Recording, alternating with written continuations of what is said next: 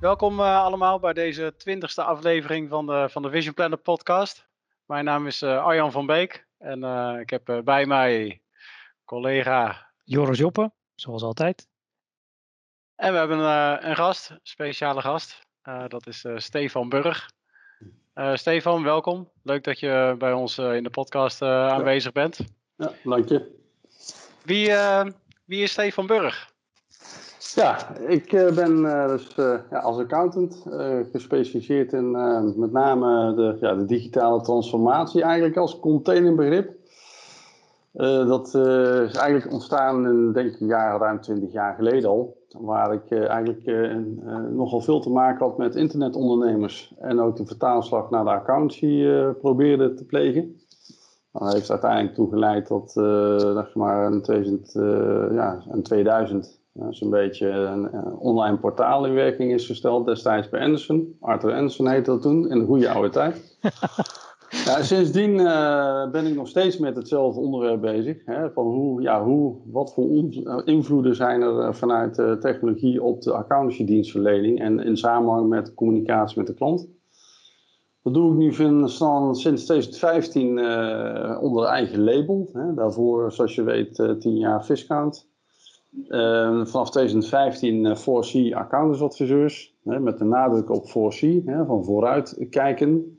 Nou ja, ja. um, en uh, nou ja, goed, uh, van daaruit ook in 2016 een overnamemaatschap ontwikkeld, omdat ik me ook bezighoud met koop-verkoopvraagstukken voor accountantskantoren. Hè. Dus uh, dat is ontzettend leuk om te doen. En nou ja, er komen steeds meer kantoren op de markt. Dus dat is ook economisch gezien een heel goede beslissing geweest destijds.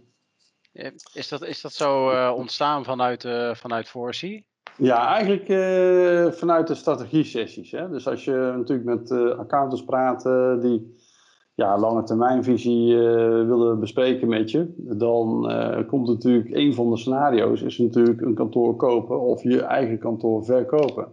Hm. Met name in die situaties dat accountants het niet zien zitten om op eigen kracht en met eigen mensen en middelen die uitdagingen aan te gaan die voor je liggen. want dat bewustzijn dat is er wel, alleen de vraag is natuurlijk, ga je dat autonoom, ga je dat managen?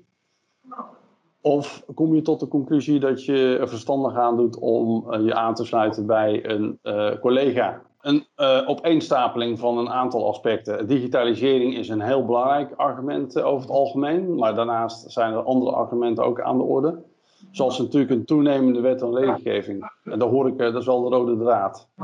Okay, dus ja. de complexiteit van de wet en regelgeving. Hè. ik noem even AVG, ik noem de WWFT, ik noem de NVKS, uh, ik noem de VGBA en de vertaalslag naar de dagelijkse praktijk en het kwaliteitsstelsel. Ja, op een gegeven moment zijn uh, kantooreigenaren, uh, ja, zien dat niet meer zitten om dat tot in lengte van jaren zelf te managen. Dus, ja. Ja. ja, ik kan me voorstellen dat talent daar ook bij speelt. En werving. Dat is een ander argument. De HR-paragraaf is een ander argument inderdaad. Dat ze niet in staat blijken om op eigen kracht, met name de kantoren tot 50 medewerkers hebben in toenemende mate een probleem van HR. Mm dus recruitment uh, is ontzettend lastig. En als ze er al zijn, dan zijn ze vaak niet in de wedstrijd aanwezig, omdat uh, ja, andere, grotere, sexy, meer sexy organisaties al weggekaapt heeft. Yeah. Dus uh, ja, ik adviseer die kleinere kantoren om in het buitenland te kijken. dus via nearshoring. Oké, okay. dat is ook een interessante okay. ontwikkeling. Ja, zeker. Ja. En waar gebeurt dat dan? Uh, nou, name? Is, is... Ik ben uh, twee jaar geleden op uitnodiging van de ondernemer, een Nederlands-Deense ondernemer, ben ik in uh, Belgrado geweest. Mm -hmm. En heb ik daar ja, wat advies gegeven. Een paar dagen heb ik daar rondgelopen om eens even te inventariseren van nou, wat gebeurt hier eigenlijk. En ik heb van daaruit ook het vertrouwen gegeven aan die partijen. In de zin dat er een ja, stuk professionaliteit geconstateerd is Waarbij dus inderdaad volledig in de cloud wordt gewerkt voor Nederlandse kantoren. En uh, met Nederlandse kantoren contact gehad. En nou ja, die zijn daar heel enthousiast over, over de medewerkers. De deskundigheid en de professionaliteit. Dus ja, dat is een serieus uh, verhaal. Dat is een serieus alternatief voor Nederlandse kantoren. Ja. Om uh, de capaciteitsissues te tackelen. Ja. ja. Maar goed, ja, compliance, HR, ICT, dat zijn dus allemaal aspecten waar jij ja, kantoor bij begeleidt eigenlijk in, in, in, in aan- en verkooptrajecten. Ja, ja, vandaar die vier C's, hè? dus de vier, vier C's, hè? dus consultancy, hè? dus met andere woorden transformatie, compliance, hè? dus het kwaliteitsstuk. dus dat betekent dat ik vaktechnisch nou, ook periodiek moet toetsen mm. bij mijn cliënten. En nou goed, corporate finance hebben we het dan over gehad ja, een stukje capaciteit. Uh, met die vraagstukken komen ze ook bij mij. Dus vandaar die 4C's. Oké, kijk zo. Ja, ja goed, uh, goed gevonden. Ja. ja. het wordt nooit saai. En wat is, uh, wat is precies de rol van Connect daarbij? Want ik, ik zat even op de website te kijken en toen zag ik daar staan connect.nl. Wat, wat, wat doe je daarbij? Een, de oud-directeur van Viscount is een maat van mij, Roel Marien. Uh, van fiscalist van huis uit en uh, Joop Parels, hè, een accountant uh, fiscalist. En we hebben met z'n drie in 2016 die maatschap opgericht, specifiek als doelgroep accountancy-overnames. Dus als je praat van hè, kantoorovernames, vaste partner van NOAP ook overigens. Hè, dus alles wat met overnames heeft te maken binnen NOAP wordt in feite en doorgespeeld naar ons bedrijf. Um, cursus fusie en overname geef ik ook al daar al vijf jaar. En um, nou, dat is ontzettend leuk. Hè? Dat zijn allemaal wat uh, kantoren in de range 1 tot pak een beet 100 medewerkers. En ja, de fusie- en overnamepraktijk van de accountancy eigenlijk, hè, de niche van de accountancy, dat is wat in Connect plaatsvindt. Oké. Maar eh, breng je dan ook echt uh, ja, kantoren bij elkaar, zeg maar? Klopt. Ja, het begint natuurlijk bij uh, het zij een koopopdracht, het zij een verkoopopdracht. Dus al ja. de rol die we dan spelen. Uh, zetten we het uit in de markt, zoals dat dan mooi heet. Hè? Dus dat wil zeggen binnen ons eigen netwerk, maar ook worden diverse podia gebruikt online om profielen in de etalage te zetten, zoals ik dat dan noem. Uh, en daaruit uh, komen dan kandidaat uh, kopers, verkopers op af. En zo komt er een kennismaking tot stand tot en met ja, het closen van de deal, zeg maar. Hè. Dus het hele traject van voor naar achter wordt door ons ondersteund ja. eigenlijk. vandaar ook dat ik juristen heb, fiscalisten in mijn team. Hm. die, en marketing communicatie specialisten heb ik in mijn team. Om dat ook die disciplines bij tijd en wijle in te zetten in het hele traject. Ja, ja. Zie, je, zie je nog trends nu? Je loopt al een poosje mee natuurlijk, maar zie je trends in overnames? Uh, wie koopt er? Wie verkoopt er? Ik bedoel, ik kan me voorstellen dat demograf, demografie erin meespeelt. Ja. Op een gegeven moment ben je gewoon klaar met je kantoor of klaar met werken en dan moet je iets. Ja, zeker. dat klopt. De generatie uh, is natuurlijk uh, het verhaal. Hè? Dus de, de 60-plussers die zijn natuurlijk nu aan het oriënteren. Sterker nog, ik heb een heel aantal 45-plussers die al bij mij aankloppen. Van, goh, ik wil anticiperen voor de komende 10 jaar. Mhm. Kun je mij helpen? Oké. Dus dat vind ik dus wel dat is een trend? Dat vind ik wel heel, uh, eigenlijk wel heel uh, interessant. Hè? Dat het uh, niet alleen gaat over 55, 60-plussers. Maar ook gewoon 40ers die gewoon van mening zijn van ja, ik denk dat ik beter tot mijn recht kom als ik onderdeel word van een groter geheel dus dat, uh, en dat met name vanuit het argument van ja, ik heb niet zoveel met planning en voortgangsbewaking, met kwaliteitstoetsingen, met automatisering, met personeelsmanagement. Ik heb daar niet zoveel mee. Hè. Ik ben eigenlijk te groot gegroeid. Ik wil eigenlijk met die klanten bezig zijn, maar ik kom er te weinig aan toe voor mijn gevoel. Ja. Dat is wel een veel voorkomend verhaal van uh, kantooreigenaren, ongeacht de leeftijd. Okay. Maar dat, dat, ja. Is, ja, dat is wel interessant dat je dat zegt. Want dat, ja, dat onderstreept ook wel. Uh, we hebben het volgens mij in deze podcast er ook wel eens over gehad. Dat, uh, dat veel accountants zijn, ja, zijn, zijn echt accountant. En, en in mindere mate ondernemer. En, en op die manier ook bezig met hun, klopt. Kantoor. Ja, klopt. Dus ook een, de situatie komt heel veel voor. Een hele terechte constatering. Dan worden organisaties praktisch onbestuurbaar, hè, omdat er eigenlijk geen beslissingen genomen worden zoals een ondernemer dat zou doen. Omdat het hè, unaniem akkoord moet zijn door acht of tien of twaalf vennoten. Hm. En in zo'n situatie zie je steeds vaker dat er een uh, algemeen directeur wordt aangesteld. Hm. En die krijgt dan een, uh, een, een, partner naast zich. En dat wordt dan een dagelijks bestuur. En die hakken gewoon knopen. Ja. die hebben een mandaat.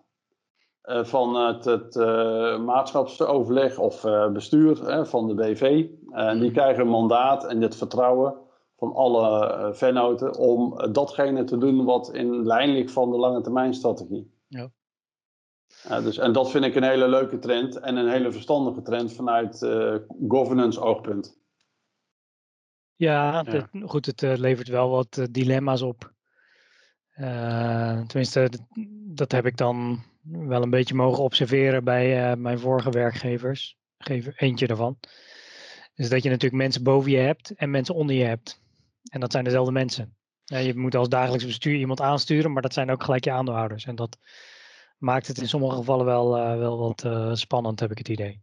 Ja, maar nou, goed, als je daar op een volwassen manier mee omgaat, dan zou dat niet zo moeten zijn. En als strategie helder is. En, um, nou, ja, en sorry, precies, precies. En ook de voortgang wordt natuurlijk nadrukkelijk gemonitord. Er wordt natuurlijk ook op uh, eh, KPI's gestuurd. Er wordt natuurlijk op een professionele manier wordt er, uh, meegekeken op de voortgang. Mhm. En zolang alles in het groen blijft staan, uh, even technisch gezien, even een, een, een dashboardachtige uitspraak. Hè? Maar zolang alles in het groen blijft staan, dan is iedereen happy. Ja. en en, en uh, je hoeft pas echt uh, iets te besluiten of in discussie te gaan met het bestuur. Uh, du moment dat je in een oranje of zelfs rood gebied terechtkomt op een van de KPI's. Ja. Dus jongere mensen verkopen? Nou ja, steeds vaker. Steeds vaker. Maar ook ambitieuzer. Wat ik merk nu ook een hele bijzondere ontwikkeling vind ik persoonlijk. ik zag hem ook op de agenda staan dat vanuit investeringsland, echt investeerders, hè, vanuit echt achtergrond van vermogensbeheerders. Die melden zich in toenemende mate uh, binnen onze praktijk uh, met behoorlijk ambitieuze plannen. En uh, niet zozeer van, joh, we gaan, willen een overname doen. Nee, we willen een reeks aan overnames doen op landelijke schaal. We willen namelijk disruptief aan de slag. Dus we willen iets ongelooflijk ambitieus neerzetten in Nederland. En geld speelt geen rol. Nou, dat, dat, is, uh, ja, dat is wel, wel voor mij althans nieuw in de laatste twee jaar ten opzichte van het verleden. Oké. En um, daar zijn we dus ook druk mee bezig. Ja, we, ja. Ja, we vroegen ons af inderdaad of dat een trend, trend is. Maar uh, Kun, kun jij, uh, weet jij of kun, kun je uitleggen waarom uh, accountantskantoren voor investeringsmaatschappijen zo interessant zijn dan? Ja, nou ja, dat, dat is een hele goede vraag. En, maar die is best wel redelijk simpel te beantwoorden. Uh, kijk, je moet zo zien, er is heel veel kapitaal op de kapitaalmarkt beschikbaar. Uh, gezien de huidige rentecondities is er over het algemeen vrij goedkoop om aan geld te komen. Nou, dat gegeven in combinatie met de wens van uh, investeerders om een goed rendement te draaien. Hè? Nou, de accountancy heeft een paar kenmerken. Als je kijkt vanuit businessmodellen. Het is recurring fees. Hè? Het is elk jaar, elk jaar begin je weer met een redelijk vaste en hoge mate van zekerheid van recurring fees. Hè? Ja. Dus die omzet die staat als een huis en die wordt niet plotseling in één keer substantieel minder. En, en je gaat groeien dus de gemiddelde groeicurve van accountancy, dat ligt zo tussen de 3 en de 10 procent. En dat doe je gewoon normaal mee. En er zijn voorbeelden over die nog veel harder groeien. Onderaan de streep, onderaan de streep heb je eh, een, nou ja, afgezien van een hele nette management fee per manager, hè, van, van een, zeg maar, een pak een beet 120, 130 per kop, hm. uh, heb je daarnaast ook nog een, een 10, 15 procent rendement op investering. Ja. dus, dus ga je kijken naar en de ontwikkeling van de rendementen gaan omhoog door toenemende technologie. Investeerders die realiseren zich als geen ander dat door, door de voortschrijdende technologie rendementen gemiddeld omhoog zullen gaan. Hè, mm. Qua tendens in de komende periode. Dat is in ieder geval de veronderstelling. Nou ja, dat zie je in de praktijk nu ook voorkomen. Hè, bij, uh, bij praktijken die er bovenuit springen, boven die benchmark uit. En daar is de grote gemene deel dus dat daar relatief veel technologie beweegt. Nou, dan ga je richting de 40, 45 procent rendement voor management fee. Ja, me dunkt dat je dan als investeerder zegt, nou, daar wil ik wel in participeren. Doe mij er maar een paar. maar doe mij wel de helft, hè, 50 of 70 of 80. Want ze willen wel dat het zittend management nog een tijdje doorgaat. En lokaal geworteld blijft bijvoorbeeld. Ja, omdat ze ook die investeerders hebben geen uh, capaciteit beschikbaar. Die hebben geen batterijen accountants staan, klaarstaan om daar uh, invulling aan te geven. Dus idealiter blijven die kantoren uh, qua bemensing doorgaan met de huidige capaciteit en wellicht wat uitbreiding. Hè, met, mm met name als het gaat om adviescapaciteit. Niet zozeer productiecapaciteit, want dat wordt gerobotiseerd maar meer adviescapaciteit voor de toegevoegde waarde. Mhm. Eh, ja, en dat is wel een tendens wat zich de, vol, hè, de komende jaren verder zal manifesteren. Ja. Dat is, ik vind het wel interessant. Ik, uh, en je, je zei net, geld speelt geen rol. Uh, maar het speelt juist wel een rol, hè? Ja, zeker. uiteindelijk, uiteindelijk, is het een, een rendementskwestie, denk ik. En ja. Ja, je ziet bijvoorbeeld tandartsen of zo. Als ik nu naar de tandarts ga, ik heb heel lang dezelfde tandarts gehad. Dat was gewoon een, een lokale ondernemer. Maar nu is het gewoon eh, een keten van tandartsen. Ja. Uh, en daar heeft ook, zich ook zo'n ontwikkeling uh, voltrokken, lijkt me. Ja, dus, schaalvergroting is dan het, het toverwoord. Hè? Schaalvergroting, omdat ja, de ondernemers realiseren zich terdege, ook accountants in de rol van ondernemer, realiseren zich terdege dat ze substantiële investeringen moeten plegen uh, om, om mee te blijven doen op lange termijn. Ja. En ja, dan is het ook logisch dat ze zich realiseren dat dat uh, in een groter verband per saldo aantrekkelijker is dan in een kleiner verband. Hè? Dat is gewoon het schaalvoordeel aspect. Ja. Uh, dus dat, dat is de argumentatie vanuit zeg maar de, de, de fusiewens of de, of de verkoopwens of de participatiewens. Zitten die, uh, die investeringen, zitten die met name op, uh, of onder andere op, op ICT ook? Een deel, maar misschien nog wel een, een groter deel op uh, het aspect gedrag. als je al, al 20 jaar bezig bent met die veranderingen, dan, en elk jaar stel je jezelf de vraag: waarom gaat het niet veel malen sneller? Dan kom je zo langzamerhand, en daar ben ik al lang geleden achter gekomen, dat het niet zozeer heeft te maken met de beschikbare technologie. Helemaal niet zelfs, want die hm. is er wel. Ja. Uh, maar het heeft veel meer mee te maken dat van de onzekerheid van bestuurders van ja, hoe ga ik dit uh, laten landen, intern, extern.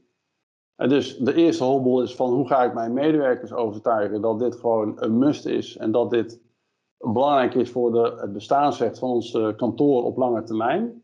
Dat is hobbel 1. Dat is lastig voor veel uh, accountants. En hobbel 2 is van hoe ga ik het die 500 of die 1000 klanten uitleggen dat we dit gaan doen.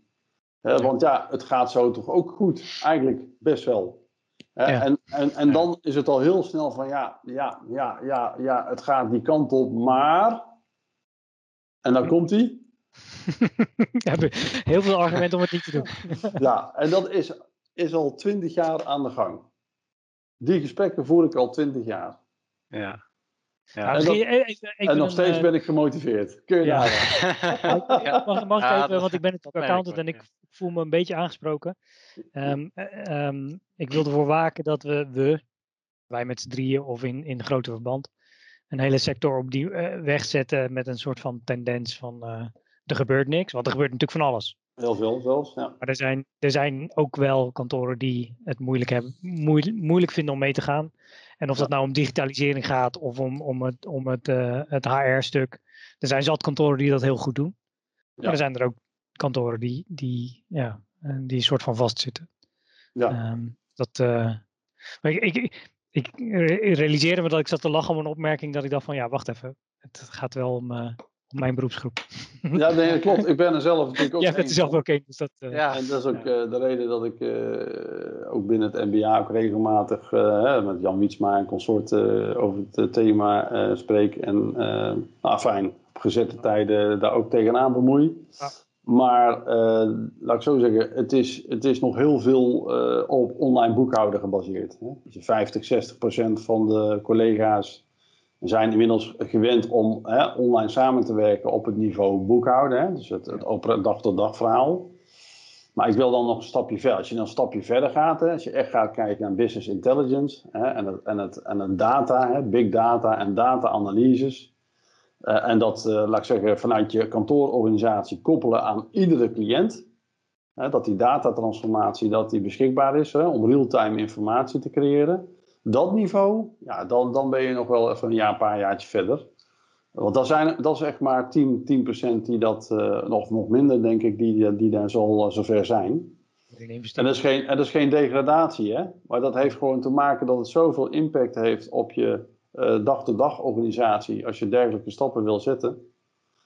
Maar vandaar ook dat ik digitaal optimaal presteren op een gegeven moment als een soort stappenplan heb uh, verwoord. Uh, in 2017 voor het eerst als blog uh, online gezet. Het begint, alles maar, al, het begint allemaal met, wat mij betreft, met klantsegmentatie. dat je als accountant heel erg goed realiseert dat je een ander bedieningsmodel hebt voor de ZZP-markt dan dat je dat hebt voor de complexere BV-groepstructuren. Dat is een totaal ander businessmodel. Dat is een totaal andere insteek qua werkwijze.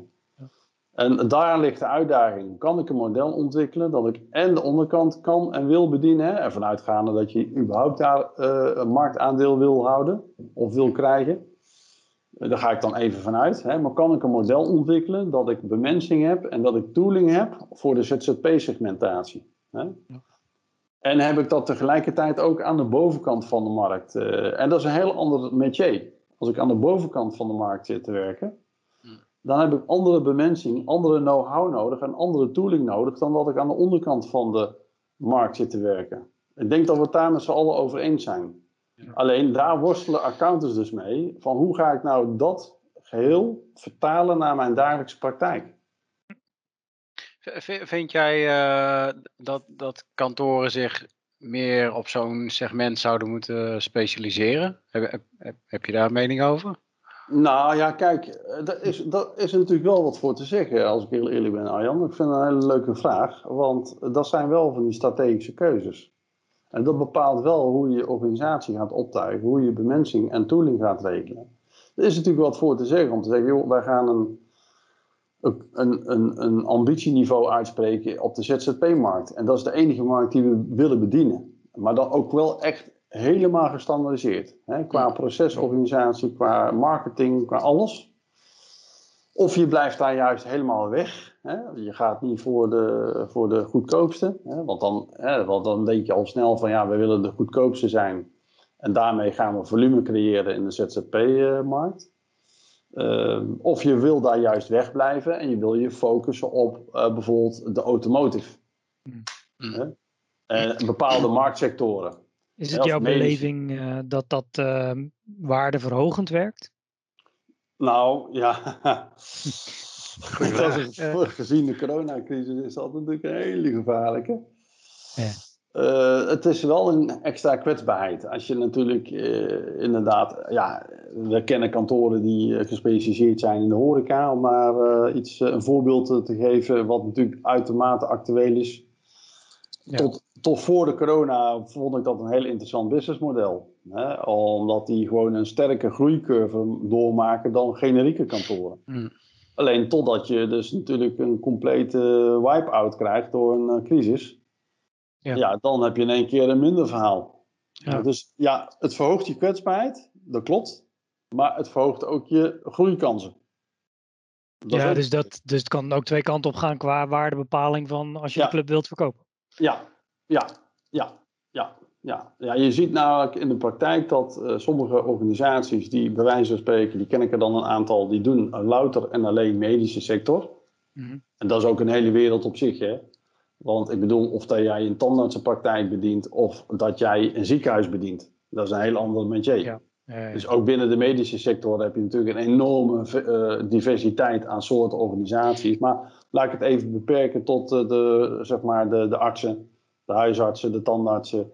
Ja, die ken ik er een aantal. Ja, en die zitten gewoon met 10, 15 procent groei per jaar, minimaal. Mm. En landelijk, hè? Want hun markt is landelijk. Uh, dan komen ze vanuit Zuid-Limburg en Noord-Holland, uh, komen ze uit heel het land, uh, melden ze zich vanzelf hm? bij zo'n club. Ja, dat vind ik, dat blijf ik nog bijzonder vinden. En daar, dat is de kracht van specialisatie. Hm. Ja. Nou ja, historisch gezien zijn veel accountantskantoren, ja, denk ik, lokaal georiënteerd geweest. En je ziet wel dat dat wat meer, ja, door de huidige tijd denk ik hm. ook wat meer, meer verschuift naar ja, bijvoorbeeld specialisatie. Nou ja, vooral inderdaad omdat je uh, steeds, je wil steeds meer je realiseert je steeds meer van, ik moet op lange termijn ook bestaansrecht houden als dienstverlener. En eh, accountants vragen zich af, hoe kunnen wij onze toegevoegde waarde blijven optimaliseren, jaar in jaar uit. En op een gegeven moment ben je natuurlijk, als je generiek bezig bent, dan kun je tot een bepaald niveau toegevoegde waarde bieden. Je moet het dan vooral hebben over one-stop shop, full service, et cetera. Maar als je dus een stapje dieper wil, hè, dat de ondernemer zegt, ja leuk, maar we hebben een, uh, ik noem maar een voorbeeld, wat heel actueel is, uh, is ik heb een franchiseketen met uh, 55 franchise-nemers. Kun jij iets betekenen voor ons? we ja. zitten in de foodsector, ik noem maar een dwarsstaat. Ja. Nou, dan moet, je niet, dan moet je niet aankomen met van ja, ik heb een goedkope jaarrekening voor je beschikbaar, hè, om het maar te chargeren. Dan moet je dus aankomen met een dag-tot-dag -dag, rapportage een dag-tot-dag rapportage van. KPI's. Ja, en kennis ik van geef, de franchise-wetgeving en dat soort ik dingen. Ik geef het je te doen, hè. Maar die lat, ja, die, ligt dus, die lat die ligt dus zo ontzettend hoog... dat je met een normale, reguliere accountspraktijk daar niets te melden hebt. Nou, en sommige organisaties, hè, van huis uit accountants... die hebben zich dus gespecialiseerd in een bepaald marktsegment. Hè, dus een verticale markt... En daar willen ze in excelleren. En dat model, dat spreekt mij wel ontzettend aan. Omdat je helemaal kunt focussen op die klantwens. Van wat is nou precies jouw informatiewens en op welke frequentie, met welke diepgang. En als je dan dat kunt beantwoorden met ja, dat kunnen we, hè, dat durven wij aan. Ja, dat, dat vind ik een heel interessant businessmodel voor de moderne accountant. Ja. En daar heb je dus dashboarding voor nodig. Hoeven jullie niet uit te leggen wat je daar allemaal voor nodig hebt. Benchmark tools, bedrijfsvergelijking tools. Ja, dat is een heel ander level van dienstverlening. Met alle respect dan een samenstel- en adviespraktijk in de generieke markt. Daar zit een hele wereld tussen. Ja. Hey, even een bruggetje naar. Uh, sorry, neem ik je de woorden uit de mond, Arjan? Nou, naar, weet die ik waar, naar die waardebepaling. Ja, ja. Of, of waarde, welke value drivers zijn er? Hè? Als we, we hebben het over overnames.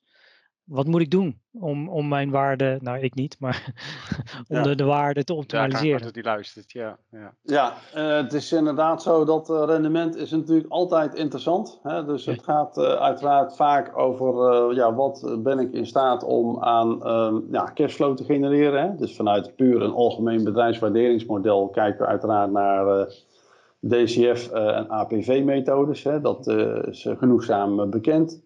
Nou, daar zit natuurlijk tal van risicoaspecten in. Dat is een bedrijfseconomische benadering.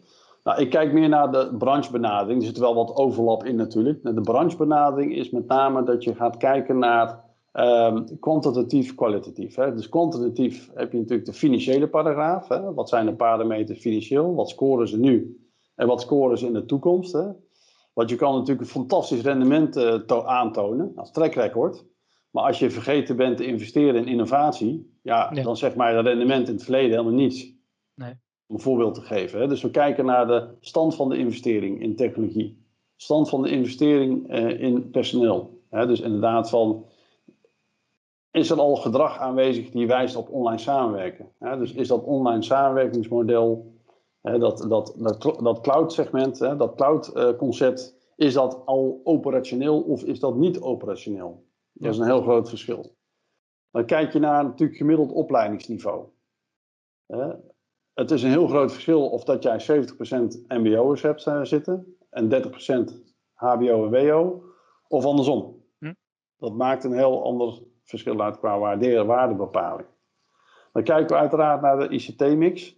In hoeverre zit men in de cloud of CQ nog on-premise? Ja.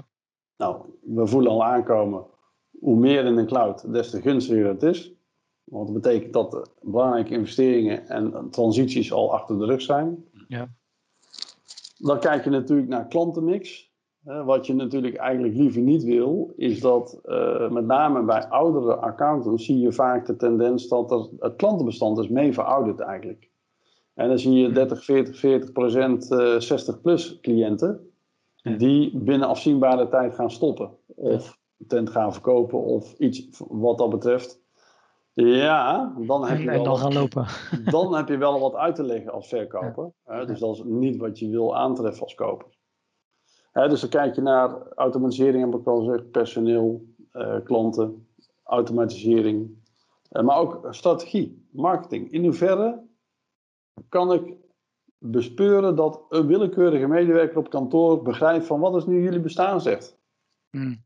En kan ik aan een collega, willekeurige collega vragen van waarom bestaan dit kantoor? Waar zijn jullie succesvol in? Ja. Wat zijn jullie ideale klanten? Oftewel, is die strategie doorgeëxerceerd tot op de werkvloer? Of is die blijven hangen op leidinggevend niveau? Ja. Dat, dat maakt een heel groot verschil. Het is lastig kwantificeren, neem ik aan, maar het zijn wel aspecten die allemaal meespelen. Ja, de naamsbekendheid. Hè? In hoeverre heb jij goede naamsbekendheid? Heb je dat wel eens gemeten? Hm. Of heb je dat nog nooit gemeten? Dus het pleit voor je dat je dat een keer hebt gemeten en dat je kan aantonen van kijk eens even naar onze klanttevredenheid en naamsbekendheid. Moet je eens even kijken. We scoren een 8 op naamsbekendheid. Ik noem maar iets. Uh, dus dat zijn allemaal, dat zijn wel in een, in een nutshell de belangrijkste aspecten waar we naar kijken als uh, in termen van uh, waardering. Ja. En daar komt een scorerapport uit, noem ik dan even. Mm -hmm. Ik heb dan een scorerapport en dan, ja, dan heb je dus inderdaad uiteindelijk een uitkomst. En die uitkomst bepaalt de multiple, slash factor. dus 0,6, 0,7, 0,8 keer de jaaromzet. Dus de range ligt dan tussen de 0,3, 0,4, schrik niet, en 1,3. Ja, dat is Dus nu voor- een beetje gangbaar. Dus als alles in de min staat, om het zo te zeggen, dan ga je al heel eind eh, naar de 0,3, 0,4. eh, sorry, maar Terwijl er wel wat dingen zijn, als ik jouw lijstje zo beluister. Hè, kijk, jongere klanten eh, zoeken, daar kan je aan werken, maar dat is niet overnight. Eh, maar een, Nee. een, een, een hè, communicatie over je strategie, eh, transitie naar de cloud, daar kan je heel erg tegenop kijken. Maar het zijn wel dingen die je kunt regelen. ja, Hè, waar je vrij bewust een plan op kunt zetten en, en kunt zeggen van, nou ja, weet je, als ik over vijf jaar wil verkopen, dan moet ik wel zorgen dat ik volgend jaar dit doe. En het jaar daarna dat. Mhm. Ehm, Dus dat, dat zijn wel dingen die, je waar je be- heel bewust mee bezig kunt zijn. En, en Nou, dat moet, dat moet nadrukkelijk gemanaged worden. En daar zit hem de kneep. Bij veel kantoren is eh, dat eh, gewoon niet te doen blijkbaar. Want dan worden, worden ze eigenlijk geleid door de grillen van de dag. Hmm. En dan zijn ze eigenlijk, eh, ja, in theorie hebben ze wel een plan van aanpak liggen. Maar het komt er niet van, want ze worden eigenlijk opgeslokt door de dagelijkse routine. Ja. En dat is met name bij kleinere kantoren wel de keiharde realiteit. Ze zijn ontzettend druk met van alles en nog wat. Eh, ze Mm. hebben ook een leuke omzet. Eh, ze laten draaien best een mooi rendement. Ze zijn tevreden. Iedereen is tevreden. En ondertussen blijft zo'n type kantoor ja, heel lang stilstaan. Ja. Nou, is dat heel slecht? Ja. In termen van waardeontwikkeling wel, maar in termen van eh, cashflow niet. Want er wordt genoeg verdiend. De klanten zijn happy. Niemand loopt er weg. Ja. Dus dat is wel weer de keerzijde van menig nuchter denkende accountant. Van ja, waarom zou ik me, waarom zou ik me druk maken? De klanten piepen niet. Sterker nog, de klanten zijn happy met onze service. Hè? Want dan heb je een hoog serviceniveau in het MKB. Dan heb je een hele hoge klantloyaliteit. Ja. Alleen, ja, de interne processen, ja, daar krijg je pijn van in je ogen. Alleen, zolang de klant daar tevreden mee is, zolang de medewerkers er happy zijn, is er geen enkel argument om te zeggen, ja, we gaan eens even stevig inzetten op een transformatie. Eh, dat kost op dat moment ook, eh, ook geld. Ja, dat, dat is een regelmatig terugkerende eh, discussie die ik met eh, accountants voer. Die zeggen, nou ja, weet je, over tien jaar zal ik eens een keer wat beginnen aan eh, die en die ontwikkeling. Hè? Maar de komende tien jaar blijf ik gewoon lekker doen wat ik altijd al deed. Ja, ik vind het persoonlijk, weet je, ergens is, vind ik het ook wel leuk, of leuk, ehm, bemoedigend om te zien dat mensen eh, eh, op die manier met hun vak bezig zijn. Hè? Dat we toch, eh, we, professionals zijn. Sorry voor de mensen die me niet zien. Weet je, we als beroepsgroep, dat er heel veel professionals tussen zitten die denken van, nou ja, ik ben gewoon met mijn vak bezig. En dat vind ik ook heel erg belangrijk. Ehm, hè, als je naar de start-up wereld gaat kijken, Ehm, een hele andere en, en, en, en private equity of venture capital. Ja, als je iets begint waarbij je bij de start al nadenkt hoe je er vanaf moet komen, heb je ook niet echt je hart erin liggen. Ehm, en dat vind ik bij accountants wel, weet je, het ondernemers helpen, het, het, met je vak bezig zijn. En of je daar dan heel goed in bent of iets minder goed, dat is dan wat minder relevant. Maar dat vind ik wel, weet je, dat, dat tekent wel de professional, de accountant als professional, denk ik. Ehm, dus dat, uh, dat geeft me wel een goed gevoel. Um, ondanks het feit dat, dat je zou hopen dat sommigen het anders doen. En in het kader van continuïteit. Ja. Um, en, en, en, ook... Het, het, maakt natuurlijk ook een groot verschil, uh, Joris, of dat jij uh, bij wijze van spreken nou ja, de agri-wereld bedient. Hè? Om, het maar, om het maar eventjes iets concreets te noemen. Die, of dat jij overwegend automatiseringscliënten hebt, hè? bedrijven die in de ICT zitten. ik noem maar een heel groot verschil. Oftewel, zit jij in de doelgroep met zeg maar even behoudende ondernemers, hè? die gewoon heel fijn vinden om een, een, een mapje met boekstukken te brengen elke maand. Ja, ja, het komt nog steeds voor. -hmm. En die zijn daar heel, helemaal tevreden mee. Die, die verwachten ook niks anders. Of dat jij met een internetbedrijf zit te werken, die gewoon, gewoon als beleid heeft, er wordt niets geprint. Ja. Alles gaat digitaal. Ja. Dus accountant, ja. kijk maar hoe je het regelt. Doe maar, maar mee. Er gaat, er gaat echt niks printen hoor. dus er zit een wereld tussen natuurlijk. Hè? Dus ieder, ze zeggen wel eens, iedere accountant verdient zijn eigen klanten. Ja, ja. Nou, gelukkig. Dat is, is dus wel zo. Ja. Er zijn natuurlijk 1 miljoen uh, kleine ondernemers die ja, bij lokale MKB-accountants zitten. En uh, ik zeg altijd tegen accountants, zorg ervoor dat je altijd de wensen van de cliënt respecteert. Hè, maar ga ze wel stimuleren, ga ze wel verrassen met dingen die mogelijk zijn. Hmm. Vertel ze wel dingen die makkelijker kunnen, om ze nog verder te ontzorgen. Ja. Om zo weinig mogelijk romslomp te veroorzaken voor de ondernemer. En dan kom je al heel snel uit op, een, op, een, op het online samenwerken. Dan heeft hij de minste romslomp. Dan gaat heel die digitale workflow leidt ertoe dat die cliënt eigenlijk ontzorgd wordt. Ja, ja dat is uiteindelijk voor, uh, ja, voor, voor beide partijen is dat, uh, is dat goed. Ja. ja, dat is het juiste verhaal. Want ik merk dat accountants mij aankijken ja, maar hoe moet ik dat nou gaan uitleggen aan de klant? Want die wil niet. Ja, maar dan ga je het, moet je het op een andere manier weergeven. Dan moet je het gewoon eens een keertje laten zien. En mijn eigen ervaring, als ik wel eens op pad ga voor cliënten, hè, accountants zijn dan cliënten, die zeggen, joh, ga jij eens even naar mijn klanten toe, want ik krijg het ze niet uitgelegd. Nou, dan ga ik gewoon met ze mee. En dan begin ik gewoon te vertellen. En dan zegt die ondernemer na een kwartier, ja, maar dit wil ik natuurlijk wel. Ja, dat dacht ik al dat u dat ging zeggen. Ja, ja.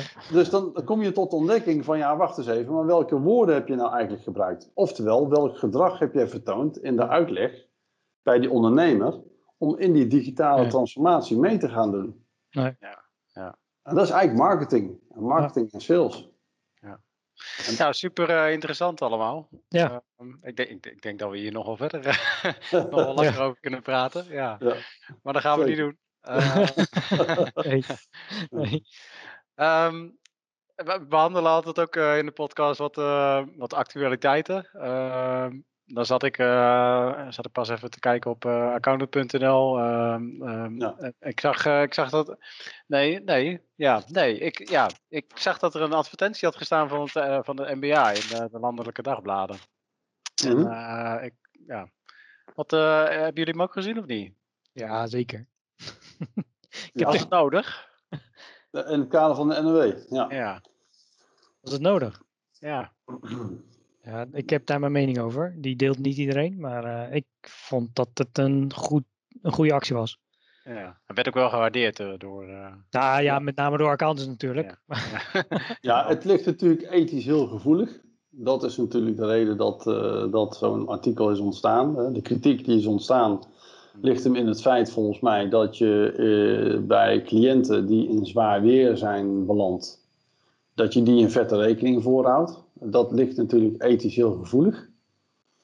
Tegelijkertijd uh, heeft uh, de overheid zeg maar, heeft in feite aangegeven dat de belangen dermate groot zijn. Hè, dat, en we willen het risico uitsluiten van ja, zeg maar, het risico uitsluiten van ja, fraudeleus handelen. Hè. Dat we niet het risico lopen met z'n allen dat de belastinggelden verkeerd worden uitgegeven. Uh, oftewel, je wil een stukje zekerheid. Nou, wie biedt zekerheid? Dat is die accountant. Hè. Die checkt en die doet en die verklaart dat het allemaal keurig netjes is verantwoord en dat het terecht is uitgekeerd. Ehm, nou, niet alle uh, ondernemers shoppen dan bij hun huisaccountant. Hè? die ondernemers die gaan dan op zoek naar een willekeurige accountant om zo'n verklaring af te geven. Hmm. Ja, en dat moet allemaal zorgvuldig, dat moet allemaal professioneel en dat moet allemaal deugdelijk worden bekeken. Ja, ja alvorens dat hij daar een verklaring bij kan afgeven. Ja, me dunkt, en dat is dan wel uh, een stuk vaktechnisch advies. Ja. om die zekerheid te kunnen geven. En dat, ja, dat, ja, je, kunt dat niet, je kunt niet van accountants verwachten dat ze dat allemaal gratis gaan doen. Ja, bovendien, weet je, de overheid had hier een, een hele andere rol in kunnen spelen. Ja. Um, En, en, en weet je, een slechte wetgeving leidt tot hoge kwaliteitskost, uh, kwaliteitscontrole. kijk maar naar de WNT, hè, de wet normering topinkomens. Ook heel veel gedoe over geweest. Ja, die wet zit heel complex in elkaar. Ja. Uh, dus als je daar zeker over wil, kost het gewoon een hoop geld. En, en, en dit was onder stoom en kokend water tot, tot stand gekomen. Ja, en dan schuif je het bij de accounts in de schoenen. Uh, omdat je niet een tweede toeslagenaffaire wil. Ja. Dat, dat, is, dat is mijn korte samenvatting. Ja, dat is, dat, ja, dat is natuurlijk een rampenscenario geweest. Uh, En wat iedereen nog vers in het geheugen ligt.